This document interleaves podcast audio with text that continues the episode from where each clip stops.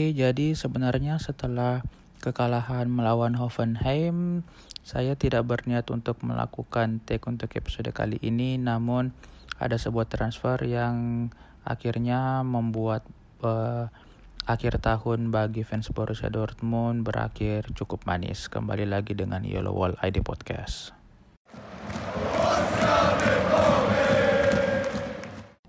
Jadi pada tadi malam waktu Indonesia telah terjadi sebuah transfer yang cukup men, apa ya cukup menggemparkan bukan hanya bagi fans Borussia Dortmund atau Bundesliga namun bagi fans sepak bola dunia. Karena salah satu pemain yang banyak dilirik oleh tim-tim besar yang menjadi hot prospect dan hot commodity pada musim ini yaitu si Erling Haaland dari LB Salzburg akhirnya memilih bergabung dengan Borussia Dortmund setelah sebelumnya pemain ini sempat dikait-kaitkan dengan tim-tim besar lainnya seperti RBL, eh, MU dan Juventus. Bahkan ketiga tim ini sebenarnya memiliki handicap yang jauh lebih baik dibandingkan dengan Borussia Dortmund seperti RBL ini yang bisa dibilang satu grup dengan uh, eh, RB Salzburg yang sudah menjadi rahasia umum kalau pemain-pemain dari RB Salzburg ini kebanyakan pindah ke RBL untuk bisa dibilang pindah cabang.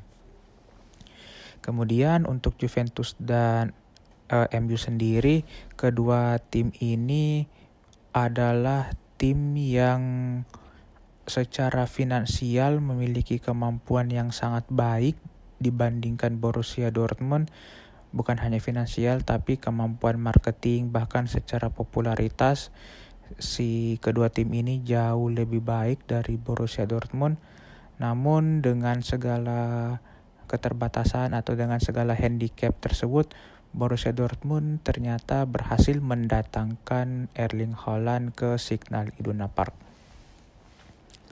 Jadi uh, ini yang menarik buat saya karena uh, ternyata Borussia Dortmund bisa mendatangkan pemain atau bisa memenangkan per, bisa dibilang memenangkan uh, pertarungan untuk mendatangkan pemain bintang yang diincar oleh tim-tim lain tim-tim yang memiliki kemampuan finansial yang baik dengan catatan harga pemain tersebut memang masih masuk akal.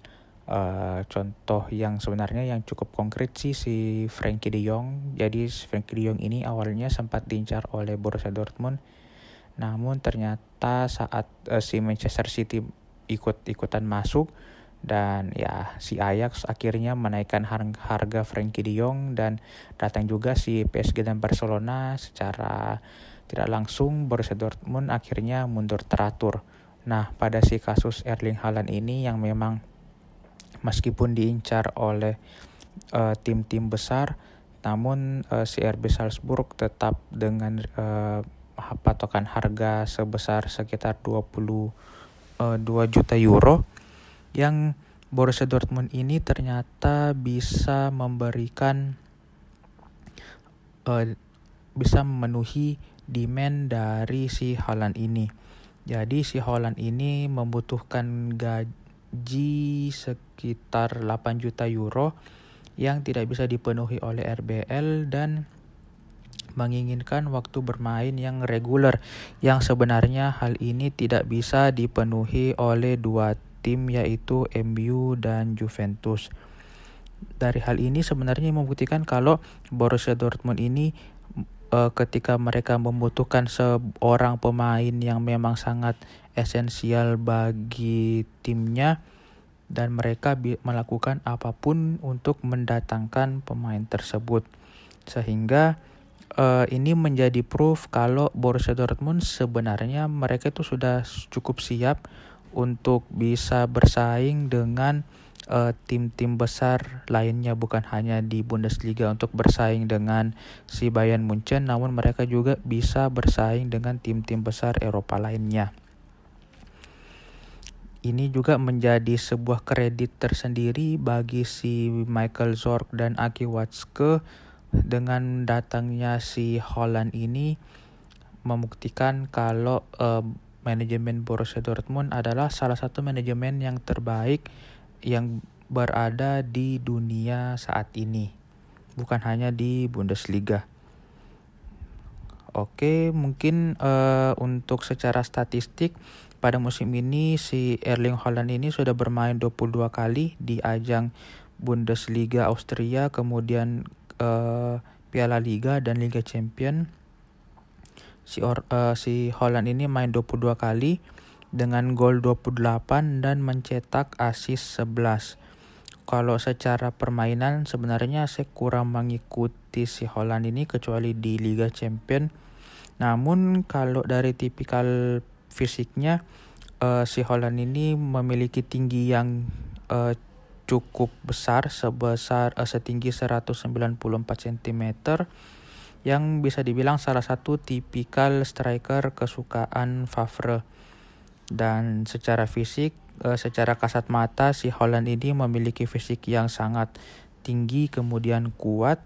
Dan kalau dilihat dari penampilannya di selama Liga Champion uh, si Holland ini punya finishing yang amat bagus dan bagus dalam mencari ruang. Dan secara physical appearance-nya si Holland ini punya wajah yang sangat mengintimidasi lawannya. Jadi wajahnya sudah sangat mengintimidasi dan tingginya juga sudah tinggi ini bakalan menjadi momok bagi back-back di Bundesliga. Dan dengan datangnya Holland ini bakalan menjadi variasi serangan yang baru bagi Lucien Favre yang uh, selama Hinrunde musim ini praktis mengandalkan pemain-pemain yang bukan striker untuk mengi untuk mencetak gol dengan trio Jadon Sancho, Marco Reus dan Torgan Hazard. Kemudian yang menarik juga si Holland ini sempat mencetak 9 gol saat bermain di World Cup U20 saat mengalahkan Honduras sebesar 12-0. Oke, mungkin itu aja yang mau saya sampaikan untuk uh, sesi pertama dari episode emergency podcast mus uh, kali ini dan kita lanjut ke segmen berikutnya.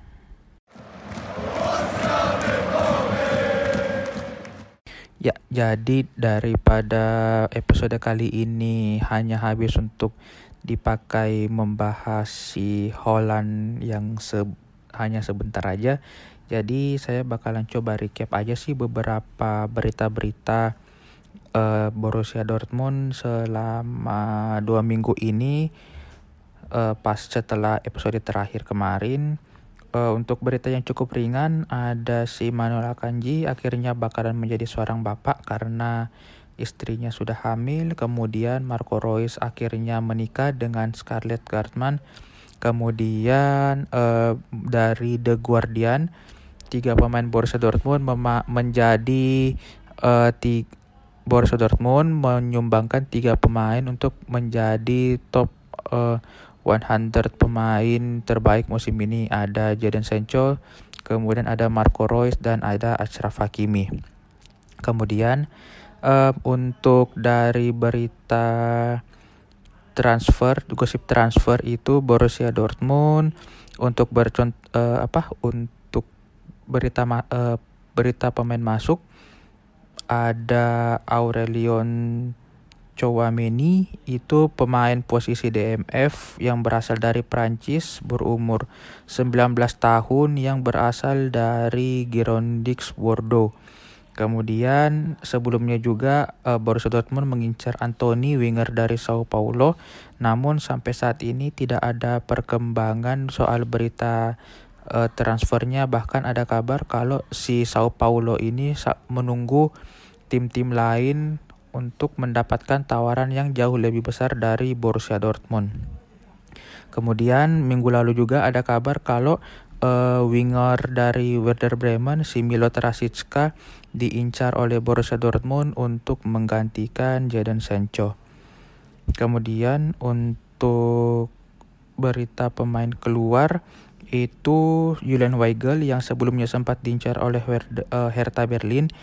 Uh, dia juga ternyata diproyeksikan me, untuk mengganti uh, untuk sebagai alternatif dari Vidal bagi Inter Milan kalau misalnya si uh, Vidal ini gagal berlabuh dengan Inter Milan. Kemudian selain itu juga si Julian Weigel ini diincar oleh Benfica. Kemudian selain uh, Julian Weigel, si Mario Götze juga diincar oleh Hertha Berlin. Kemudian uh, ada Mahmud Dahoud dan JBL Jakub Brun Larsen yang diizinkan untuk pindah dari Borussia Dortmund.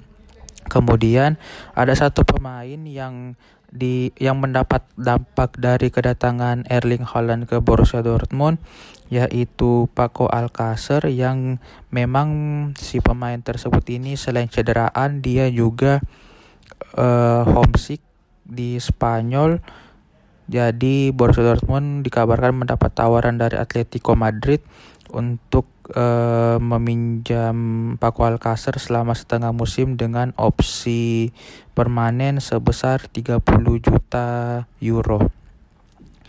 Oke, mungkin itu aja uh, yang bisa saya sampaikan untuk episode emergency dan dadakan kali ini dan selamat liburan bagi fans-fans Borussia Dortmund dan sampai jumpa di episode berikutnya.